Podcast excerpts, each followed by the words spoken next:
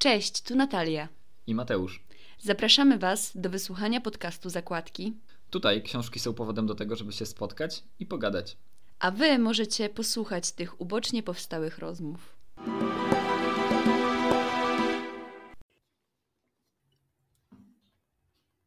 Dzień dobry wszystkim. E, witam serdecznie wszystkich słuchaczy w kolejnym odcinku naszego podcastu Zakładki. E, dzisiaj występuje z nami Rafał, nie Mateusz, ale myślę, że odcinek będzie równie ciekawy jak zawsze. Znaczy, mam nadzieję, że zawsze są ciekawe. Dzisiaj będziemy omawiać książkę, która jest y, obecnie bestsellerem. Nazywa się Chłopki opowieść o naszych babkach. Została napisana przez Joannę Kuciel-Frydryszak, która jest dziennikarką, absolwentką polonistyki na Uniwersytecie Wrocławskim. Także tym bardziej jest bliska mojemu sercu, dlatego że ja też mieszkam we Wrocławiu. Autorka biografii Słonimski, Heretyk na Ambonie, nominowanej w najważniejszych konkursach na historyczną książkę roku.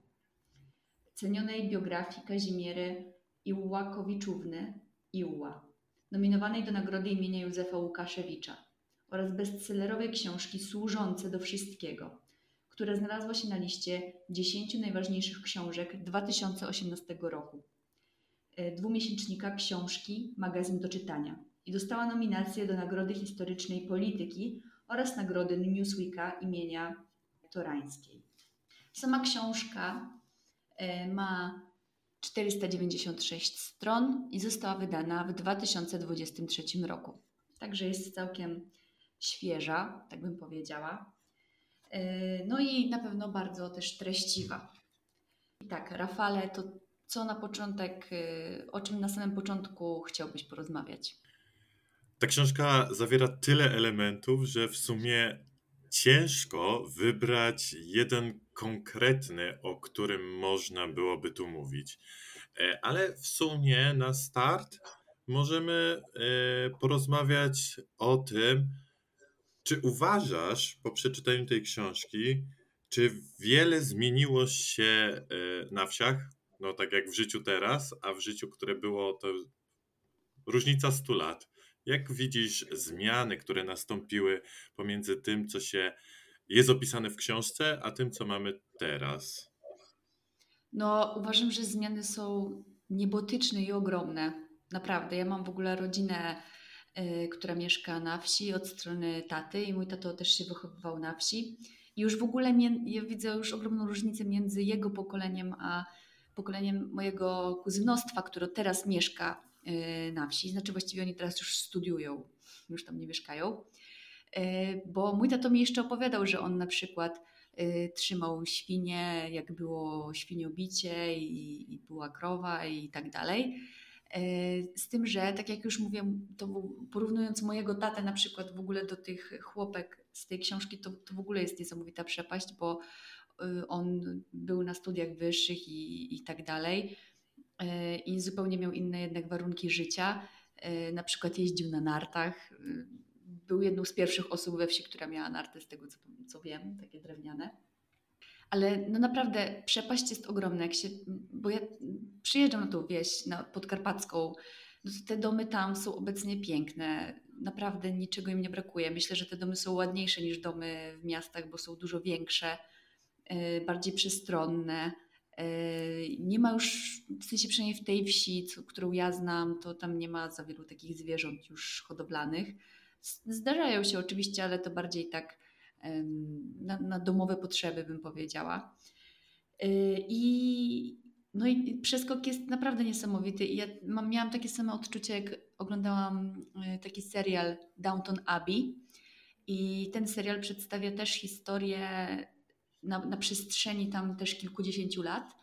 I w tym serialu też pięknie widać, jaki jest przeskok, po prostu niesamowity, jak w momencie, jak się na, na przykład okazuje, że nagle y, gdzieś tam się w mieście pojawia telefon y, i się różne rzeczy zmieniają.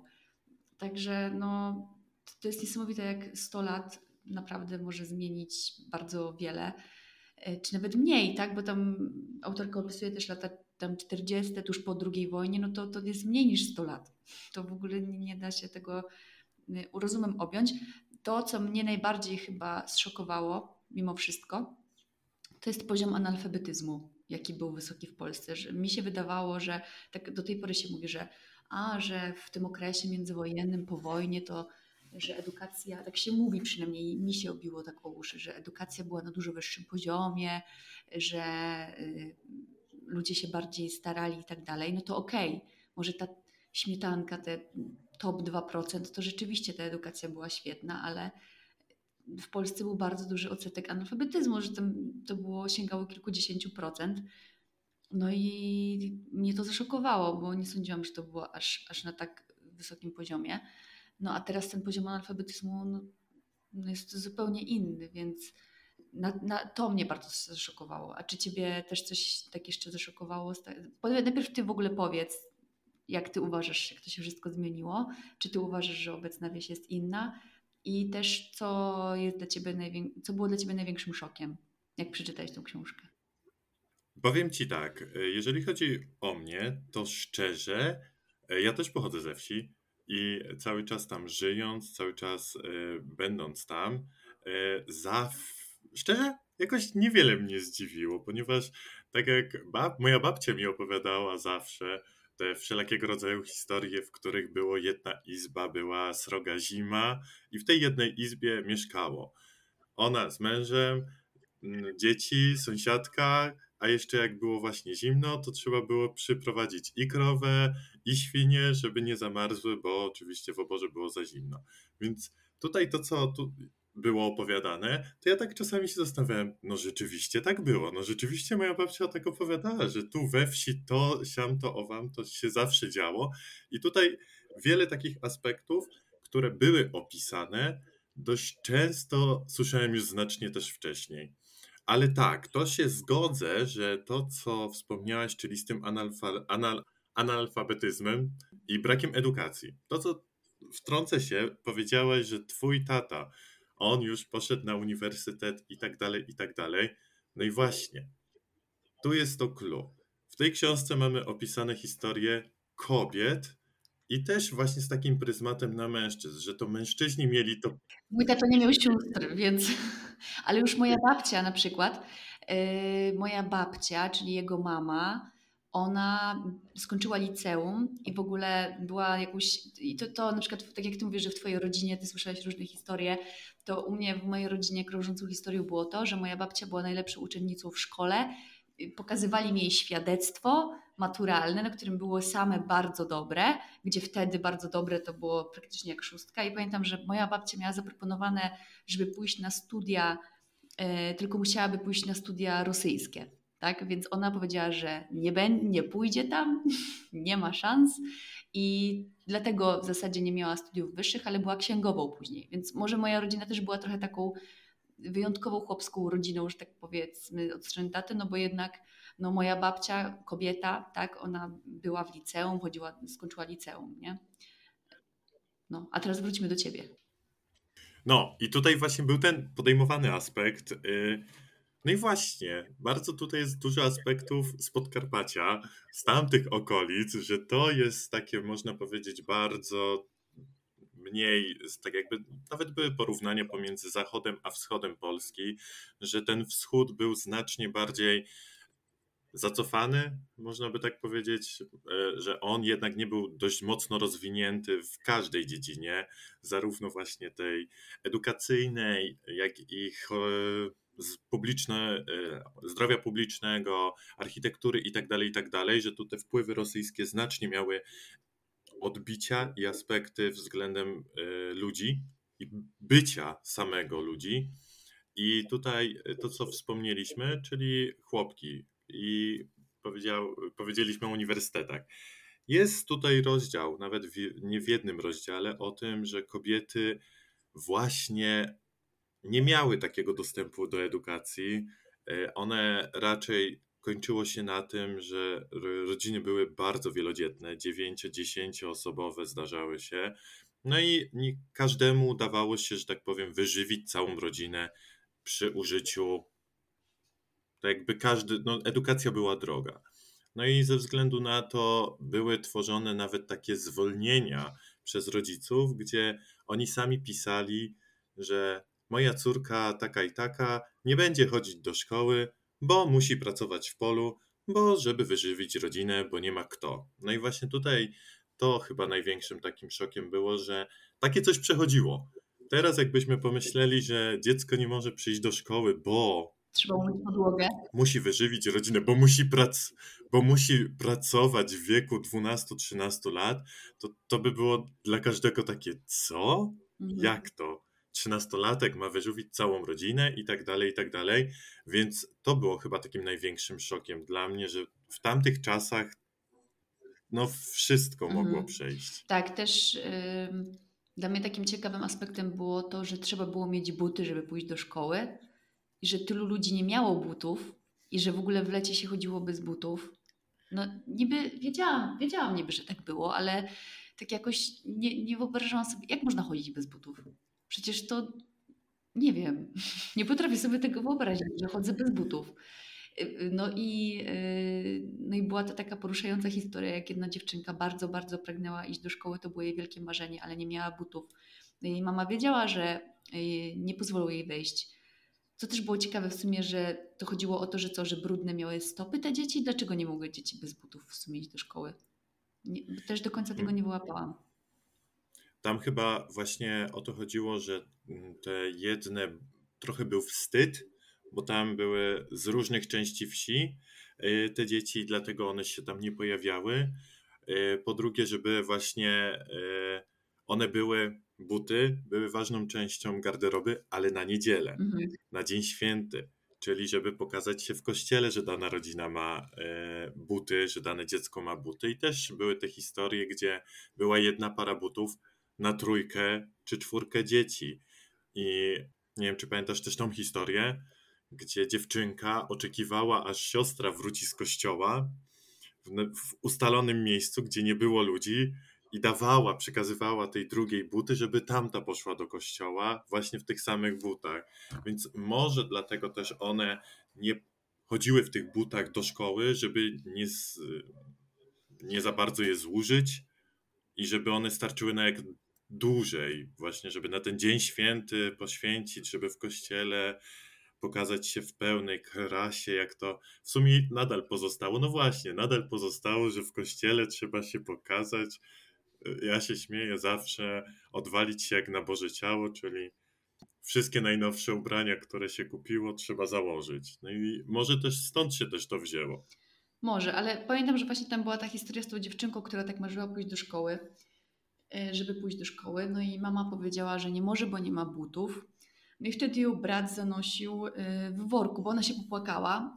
E, No i wtedy ją brat wziął na barana i, i ją zaniósł do szkoły, więc wydaje mi się, że mogło chodzić też o to, że nie można było po prostu w brudnych stopach, że z brudnymi stopami wchodzić do szkoły, co, bo wtedy byłoby tam bardzo brudno, co w sumie ma sens. Więc może, być może też o to chodziło. No ale to, no, no i że buty to była wolność i, i tak dalej. No i rzeczywiście no, y, też sobie nie zdawałam może sprawy, aż do jakiego stopnia ważnym atrybutem było obuwie. Że rzeczywiście buty dawały wolność, dawały ci możliwość edukacji, y, no i jakieś takie poczucie, że jednak posiadasz coś swojego i masz, no nie wiem, pewnie też y, większy szacunek. Także no to było też z tymi butami ciekawy fragment, ale też yy, wracając jeszcze do tego, jak powiedziałeś o tych nastolatkach utrzymujących rodzinę, to yy, my powiedzieliśmy, że dwunastolatkowie pracowali, ale pracowali już kilkulatkowie yy, i to najczęściej przy tak zwanej pasionce. No i też nie wiedziałam, że w ogóle pasionka to była taka ważna, taki ważny aspekt życia i w ogóle tak bardzo wpływający na rozwój, w szczególności nastolatków, ale też tych najmłodszych dzieci.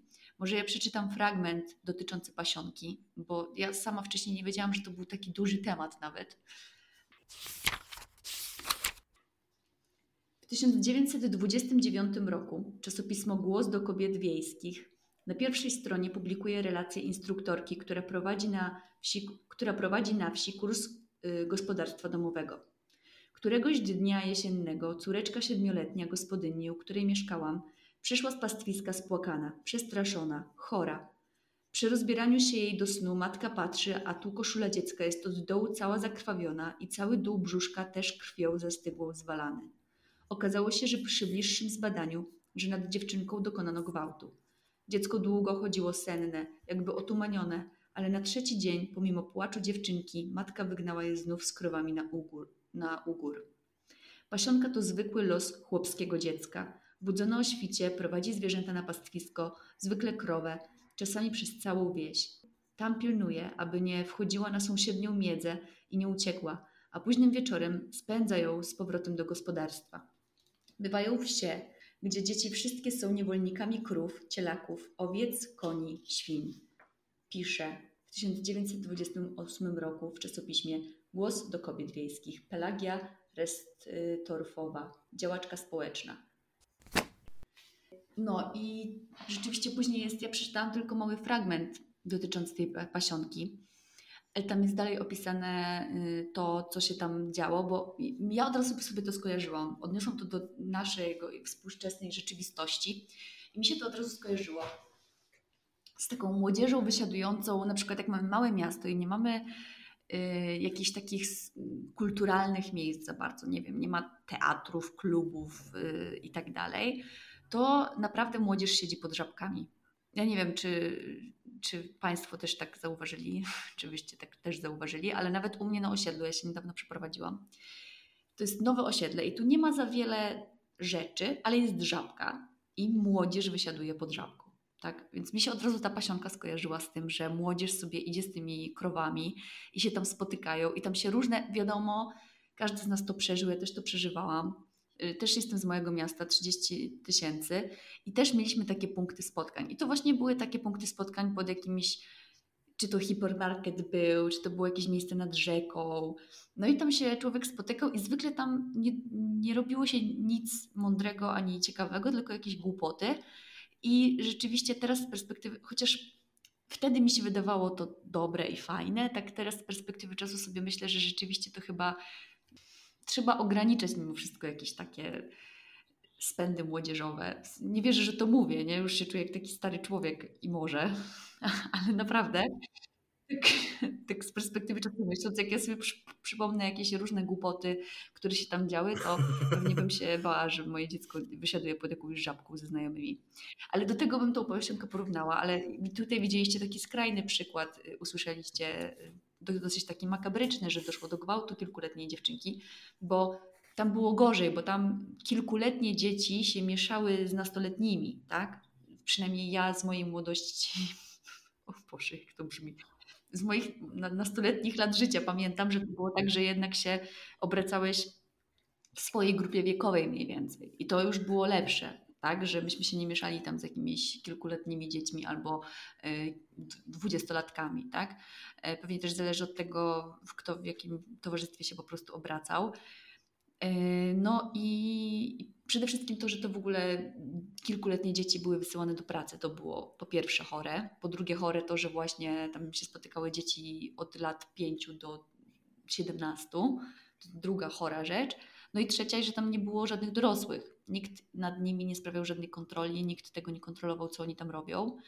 E, no i te dzieci bardzo często też przez to nie szły do szkoły, e, tylko się zajmowały wypasaniem zwierząt. I tak jak tu mogliśmy usłyszeć, dzieci były niewolnikami krów, e, cieląt i tak dalej.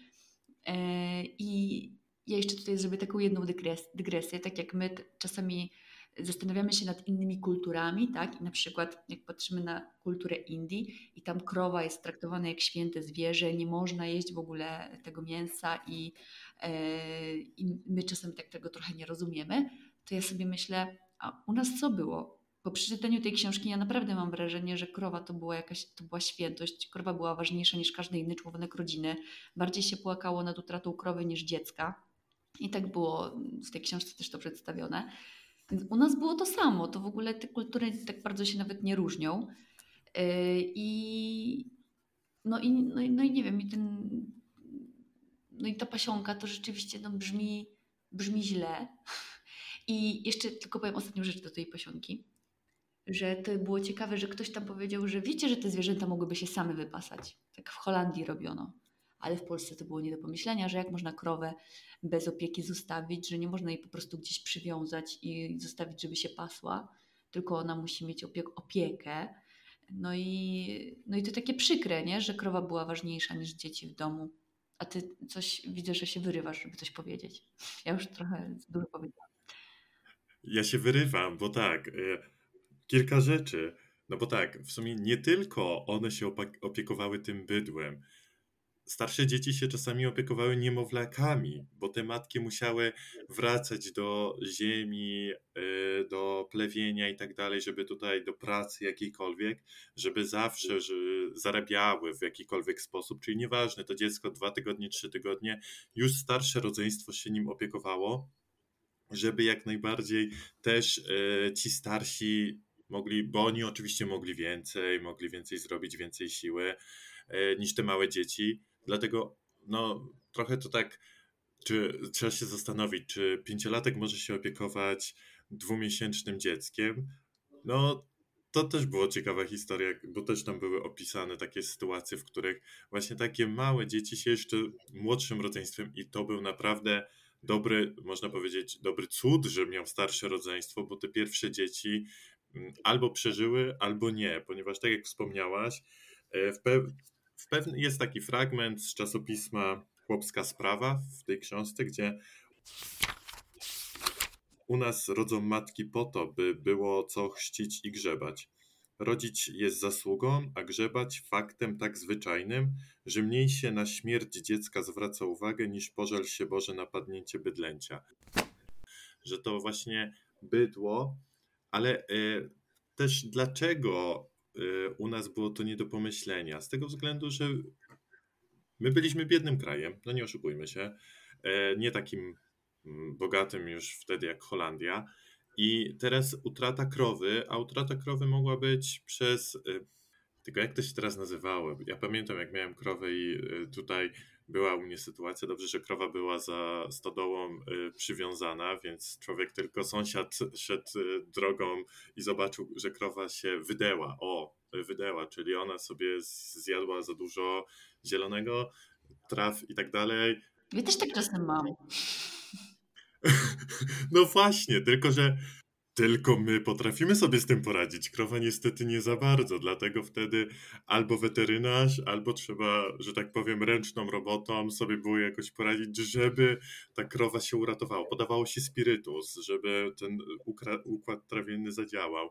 Były różne takie sposoby wiejskie, w którym ratowało się tą krowę, no bo jakby krowa zdechła, to no, że tak powiem, po pierwsze mleko nagle traci cała rodzina pożywienie.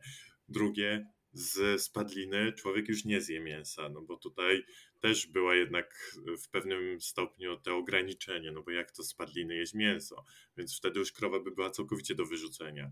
Dlatego no, to była taka świętość. Nadal w niektórych, jeżeli się spotka, o teraz tak, jeżeli się spotka krowę, bo teraz krowa na wsi to też raz na trzy wsie, jak się spotka, to jest, mhm. powiem, cud. U mnie we wsi nadal są krowy.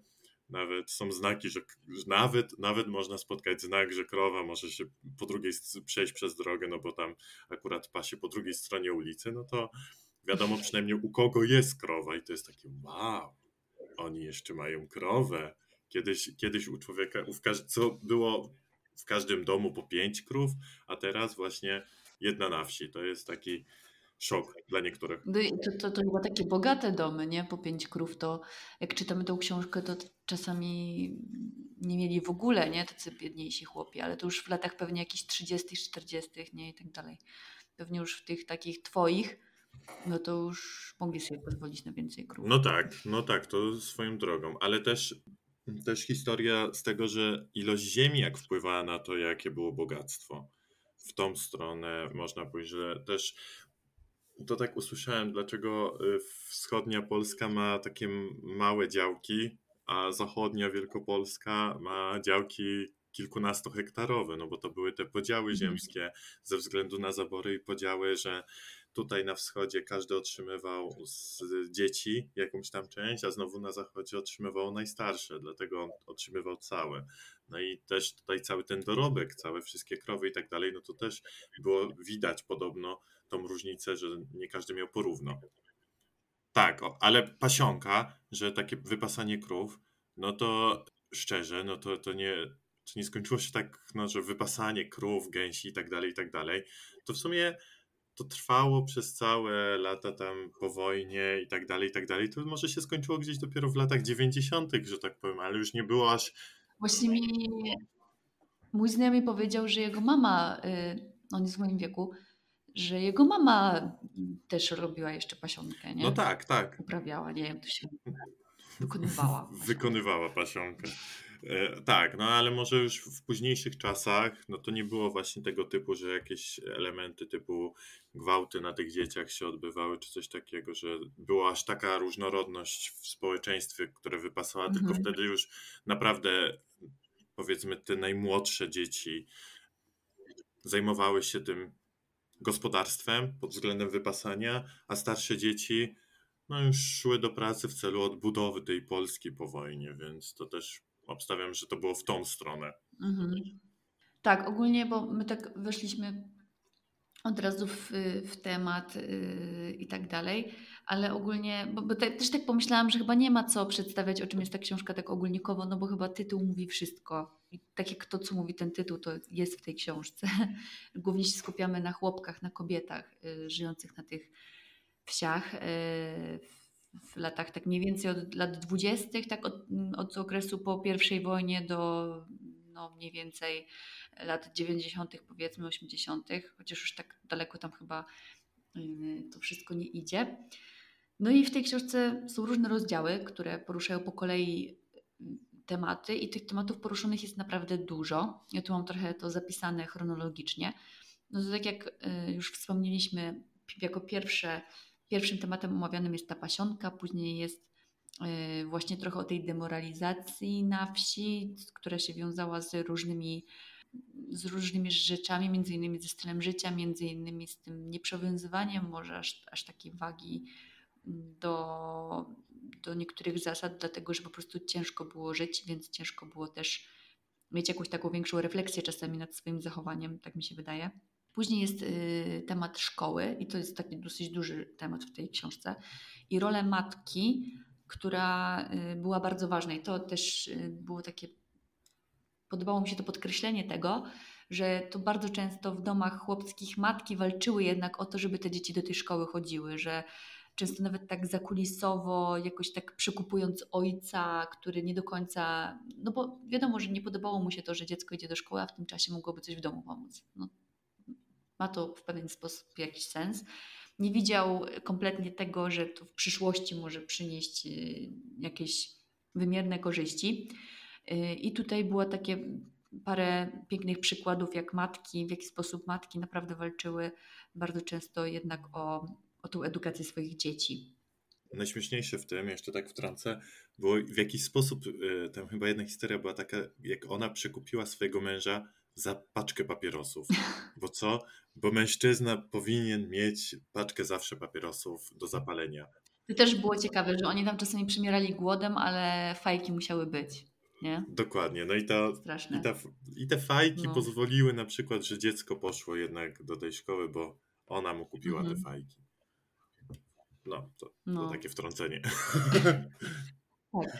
tak, dalej jest na temat swatek i ogólnie y, dobierania partnerów wśród chłopów, co też było ciekawe, że jakie to było transakcyjne i, i... A ciekawe, jak było w Twojej rodzinie? Ty miałeś tak, że mm, pytałeś się o historie miłosne? Dowiedziałeś się, że chodziło o, o morgi czy o miłość?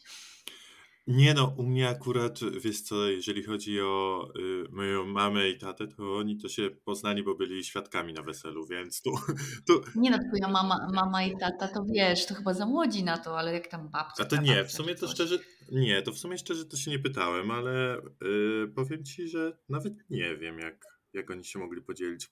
Szczerze, to tak ziemię mamy. Jak coś, to ziemię mamy. Ej, jakby co, to reklama tak. na, na posag był. Ale nie. Ale szczerze, moja babcia miała bardzo dużo y, rodzeństwa. No to tutaj musiał być jakiś w sumie podział, kto co dostaje, ile dostaje, w jaki mm. sposób dostaje. No, ale w jaki, to ci nie, nie, tego ci nie przytoczę. Ale to jest właśnie dobra książka, że można poznać teraz historię swoich babci, jak się nie zdążyło zapytać. A, a niektóre elementy z tego, no to jednak są takie prawdziwe. Albo można teraz pójść dopytać, nie? Bo wiesz o co pytać. Bo wiesz o co pytać i możesz się nagle, naprawdę tak było? Czy, czy ta książka mówi prawdę i tak dalej, i tak dalej. Ale mhm. akurat y, jak są pieśni ludowe, to w pieśniach ludowych czasami jest tekst tego typu, że jednak do swatek potrzebne były te morgi i to pozostało, więc możliwe, że tak było. No tak. Tak. Y, dalej były takie tematy poruszane, jak y, mam zapisane Ameryka, że jednak też było, by, było to pragnienie w ludziach wyjazdu. Y, I, I w sumie, że to odegrało też dużą rolę mm, ci wracający z tych Stanów Zjednoczonych, odegrali dużą rolę w ogólnie poprawy później dobrobytu w Polsce. No dlatego, że oni przynosili ze sobą taką świeżą energię, pieniądze, pomysły, przykłady, jak można żyć y, inaczej. Więc to też y, zmieniło na pewno Polskę. Dalej też była był poruszony temat wielodzietności, tak, co y, i temat aborcji. Mm, no bo jednak, tak jak wcześniej już wspomnieliśmy, że śmierć dziecka była lepiej akceptowana niż śmierć krowy, to też wynikało z tego, że śmiertelność dzieci była bardzo wysoka, śmiertelność noworodków. Co ja też przypomnę, że jednym z wyznaczników y, rozwoju kraju jest stopień y, śmiertelności noworodków. W sensie im bardziej rozwinięty kraj, tym mniejsza jest śmiertelność wśród noworodków. Y, bo już nawet śmiertelność wśród ogólna nie, nie powie nam tak bardzo o stopniu rozwoju kraju, dlatego że gdyby porównać nas z obiektywnie krajami dużo mniej rozwiniętymi, to się może okazać, że u nas śmiertelność jest ogólnie wyższa, dlatego że mamy dużo starsze społeczeństwo, Y, i po prostu większą wymieralność. A te często mniej rozwinięte kraje mają bardzo młode społeczeństwo i, i tam to trochę inaczej przebiega, ale już śmiertelność wśród noworodków nam mówi bardzo dużo na, na temat stopnia rozwoju. Y, no i w Polsce w, oczywiście kiedyś była bardzo duża śmiertelność wśród dzieci i noworodków. Y, I, no i to było takie, dlatego śmierć dzieci była czymś normalnym bardzo często. Kobiety właśnie, tak jak powiedziałeś, bardzo często zachodziły w ciążę, miały wiele tych dzieci. No i kobiety też często umierały w trakcie porodów, no bo też ciężko było dostać się do lekarza, ciężko było monitorować te ciąże i tak dalej. I pewnie y, gorączka połogowa też zbierała swoje żniwo. Y, już nie mówiąc o tym, że nawet jeżeli już jakaś kobieta trafiła do lekarza, to w ogóle jak uczyłam się historii medycyny i stopień, że tak powiem, aseptyki, e, no to był na, na strasznym poziomie. Więc nawet to, że ktoś się trafiło do lekarza, nie gwarantowało w ogóle w żaden sposób bezpieczeństwa, bo już nie pamiętam w jakich to było latach, ale gdzieś po wojnie e, zrobili takie badanie, e, że mm, odkryli w, trakcie tego badania, że kobiety, które rodziły wśród tylko zakonnic bez udziału lekarzy miały dużo wyższy, że tak powiem, wynik przeżywalności tych porodów niż kobiety, które miały kontakt z lekarzem. A chodziło o to, że lekarze nie myli w ogóle rąk pomiędzy salami. Przechodzili, jeden lekarz przechodził pomiędzy na przykład kilkunastoma rodzącymi i przynosił z tym różne bakterie i choroby, a zakonnice zwykle były przydzielone gdzieś tam do jednego pomieszczenia.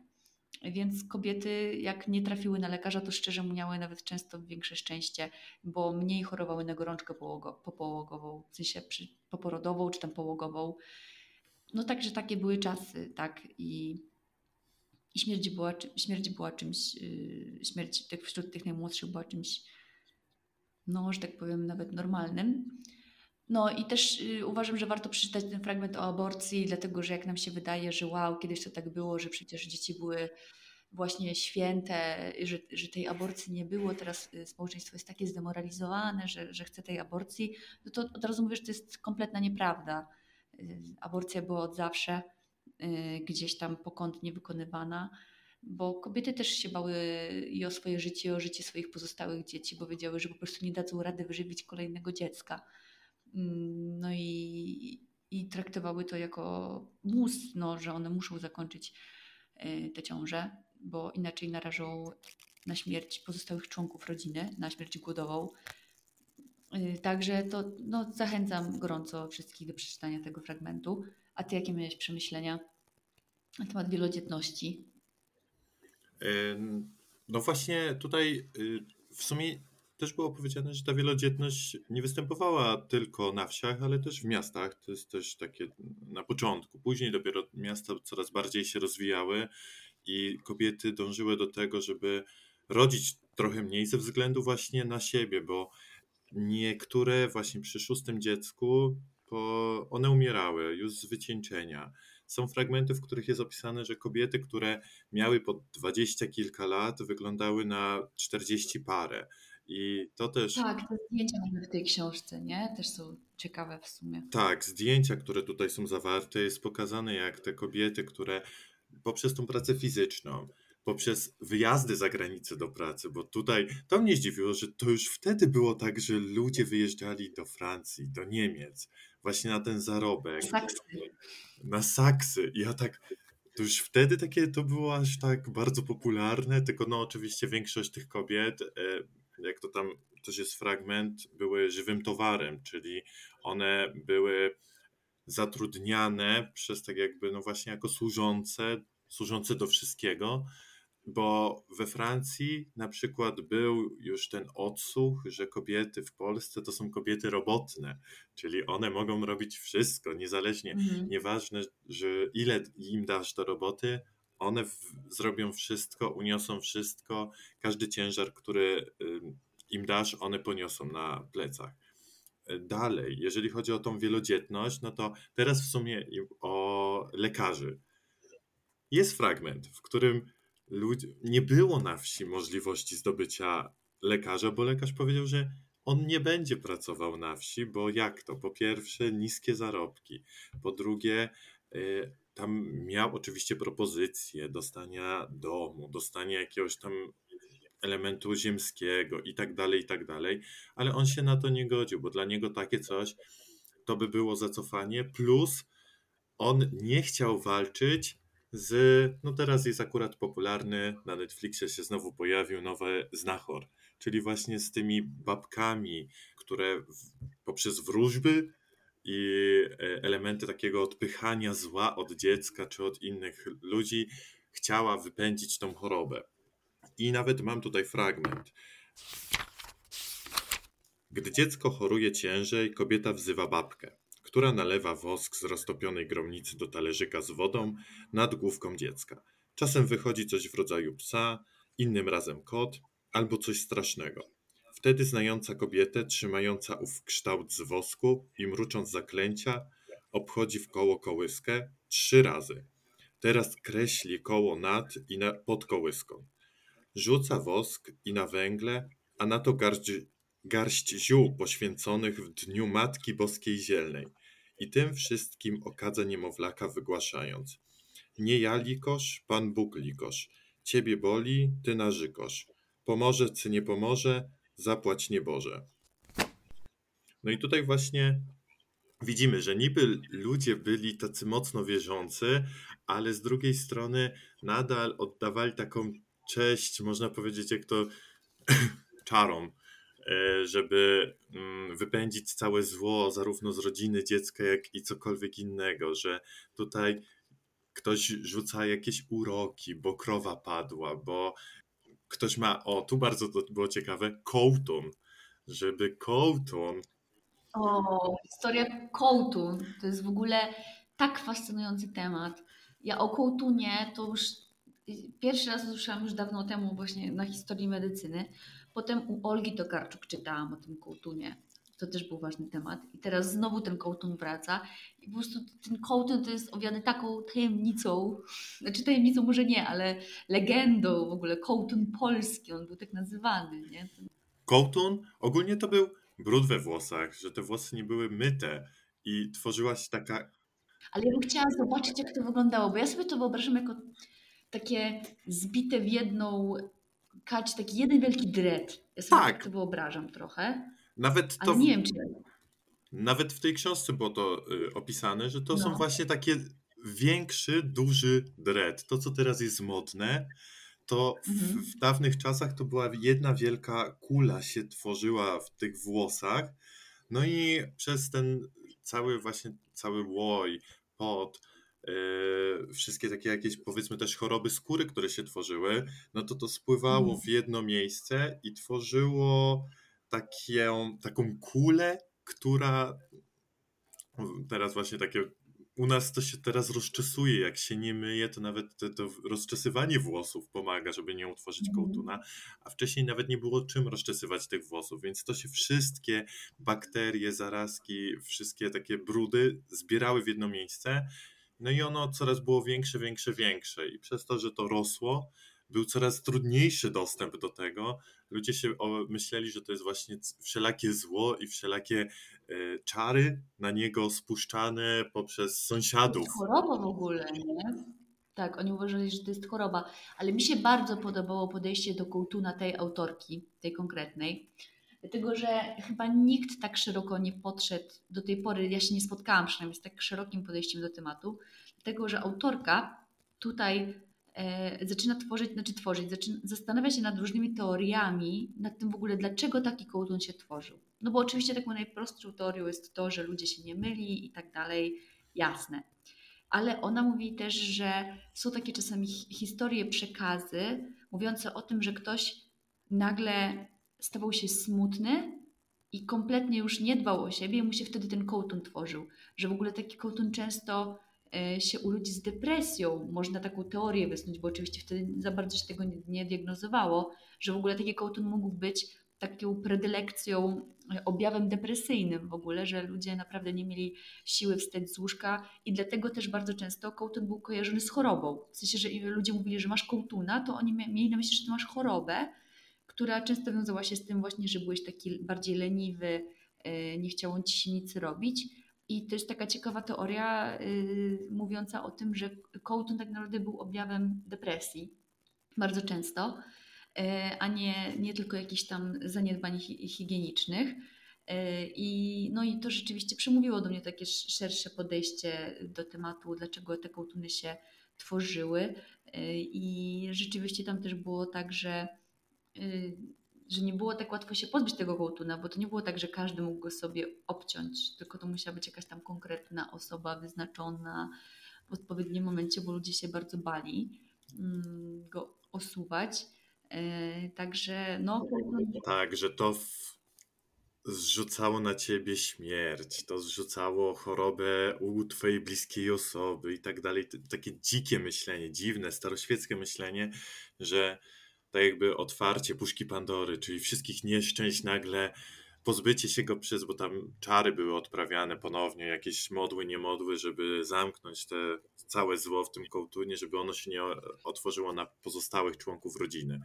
No to tak. Ale później było to towarzystwo, które zostało roz, e, założone, towarzystwo higieniczne, które mówiło, że słuchajcie, wysyłało ulotki, że mo, każdy może kołtuna się pozbyć. To nie jest tak, że tylko są wyznaczone pojedyncze osoby. Albo bardzo mnie to zaśmiałem się, gdy było, że nie myć, można się myć w piątek, nie bójcie się myć w piątek, to nie będzie złe, jak się byście umyli w piątek. Takie y, coś, co teraz naprawdę śmieszy, no, dla ludzi tam było wielkim strachem, że takie coś mogłoby się zdarzyć. Tak, absolutnie. E, także my już rozmawiamy 45 minut. A tak naprawdę, jak patrzę na moją listę notatków, no, notatnika, to my naprawdę połowy tematów z tej książki nie poruszyliśmy, więc nie będziemy poruszać wszystkich. E, ja tylko tak wspomnę, może, żeby zachęcić słuchaczy do przeczytania całej książki, że tam też pojawiają się takie tematy dotyczące kobiet po wojnie, cierpienia zwierząt. Dużo jest w ogóle o daniach wiejskich.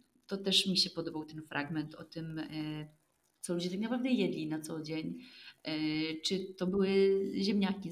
Zdradzę Wam, że tak, zazwyczaj to były ziemniaki, ale to wtedy jak miałeś więcej pieniędzy, bo jak nie miałeś pieniędzy, to nawet na ziemniaki Ci nie było stać, więc jadłeś często na przykład zupę z pokrzyw. Także był temat y, cały jedzeniowy poruszony w książce. Był temat y, też y, porównania życia miejskiego z wiejskim, czy też takiego pracy na dworze. To też było ciekawe, tak? Na tych takich dworkach. Ja w ogóle zmieniłam w ogóle podejście do takiej pracy na dworze po właśnie obejrzeniu Downton Abbey. Uwielbiam ten serial. E, dlatego, że kiedyś mi się wydawało, że to było takie widzimisię szlachty, tak? Że ja mam, że po prostu ci ludzie mieli dosłownie służbę od wszystkiego. Ten był od założenia y, szaty, ten był od zdjęcia szaty, ten był od umycia. Miało się wrażenie, że po prostu jeden był od umycia prawej, drugi od umycia lewej stopy. I nam się to wydawało takie, wydawało nam się to, w sensie mi się to wydawało straszne. A potem w tym serialu właśnie był taki moment, y, gdzie był jakiś taki zbuntowany szlachcic, który powiedział, że on sobie potrafi sam poradzić z tymi ubraniami, że on nie potrzebuje tego człowieka od ubierania. No i nagle co się stało? Ten człowiek stracił pracę. I nagle wtedy sobie ten szlachcic uświadomił, szlachcic sobie uświadomił, że to nie chodzi o niego, że to nie chodzi o jego wygody, y, tylko chodzi o to, że dlatego jest tylu ludzi zatrudnionych w dworze, bo oni tu mają dużo lepsze życie i chodzi o to, żeby ich właśnie jak najwięcej zatrudnić i dać jak największej liczbie ludzi pracę, bo oni w tym dworze mieli wyżywienie, dostawali pieniądze, które później wysyłali swoim rodzinom. I on sobie wtedy zdał sprawę, że bycie szlachetnym w tym momencie nie polega na tym, że ja sobie mówię, że ja sobie ze wszystkim poradzę, tylko właśnie, że ja szanuję pracę tych ludzi, że ja szanuję tych ludzi i daję im pracować i daję, wytwarzam im, że tak powiem, miejsca pracy. E, dlatego też tutaj zmieniłam zupełnie e, podejście po tym serialu do tych takich, że tak powiem, kiedyś mi się wydawało to, że to takie zachcianki szlachty, a później sobie uświadomiłam, że tak naprawdę to dla tych chłopów było dobre, że, e, że było tyle miejsc pracy na dworze, bo jednak to była dla nich duża szansa. Także myślę, że poruszyliśmy już bardzo wiele tematów z tej książki i nagrywamy już ponad 45 minut. Chyba będziemy powoli lądować i zbliżać się do końca. Chyba, że coś chcesz jeszcze na koniec dodać. Jezu, ja bym tutaj mógł dodawać, dodawać, dodawać, ale chyba właśnie tyle czasu nie mamy, bo tak to byśmy mogli jeszcze nagrać trzy odcinki na temat tej książki. E, wiele się w niej dzieje. E, wiele można się naprawdę dowiedzieć, ciekawych rzeczy. Właśnie to, co e, też była mowa o tych, nawet takim życiu dworskim, nawet życiu miastowym, jak to właśnie kobiety później chciały żyć w tym mieście, że nie tylko wieś jest ich jedynym e, domem, ale nawet bardzo, może jeszcze takie słowo, no o tym, jak e, jest obrazek na okładce, gdzie mamy kobietę niosącą to te dwa wiadra wody. I to jest pokazane, jak w sumie była siła tych kobiet, żeby naprawdę mm, wyżywić zarówno siebie, dzieci, jak i całą, no w sumie całą, nie tylko swoją rodzinę, bo oczywiście w tych domach żyły nie tylko jedne rodziny, y, jak one starały się, aby całe ich życie było jak najlepsze. No, dążyły do tego. No i tu trzeba, że tak powiem, podziękować w sumie. Podziękować za takie, e, bo gdyby nie one, no to może nawet nazwy tutaj nie było. Na pewno. Ja mam, ja mam na pewno chłopskie korzenie, także mnie by na pewno nie było. Ja też, więc mnie też i może, i może, mo, i tego podcastu może byście nie słuchali. Dokładnie, tak. Także piękne słowa na koniec. Dziękujemy Wam wszystkim za wysłuchanie odcinka i do usłyszenia. Do usłyszenia, do miłego zobaczenia.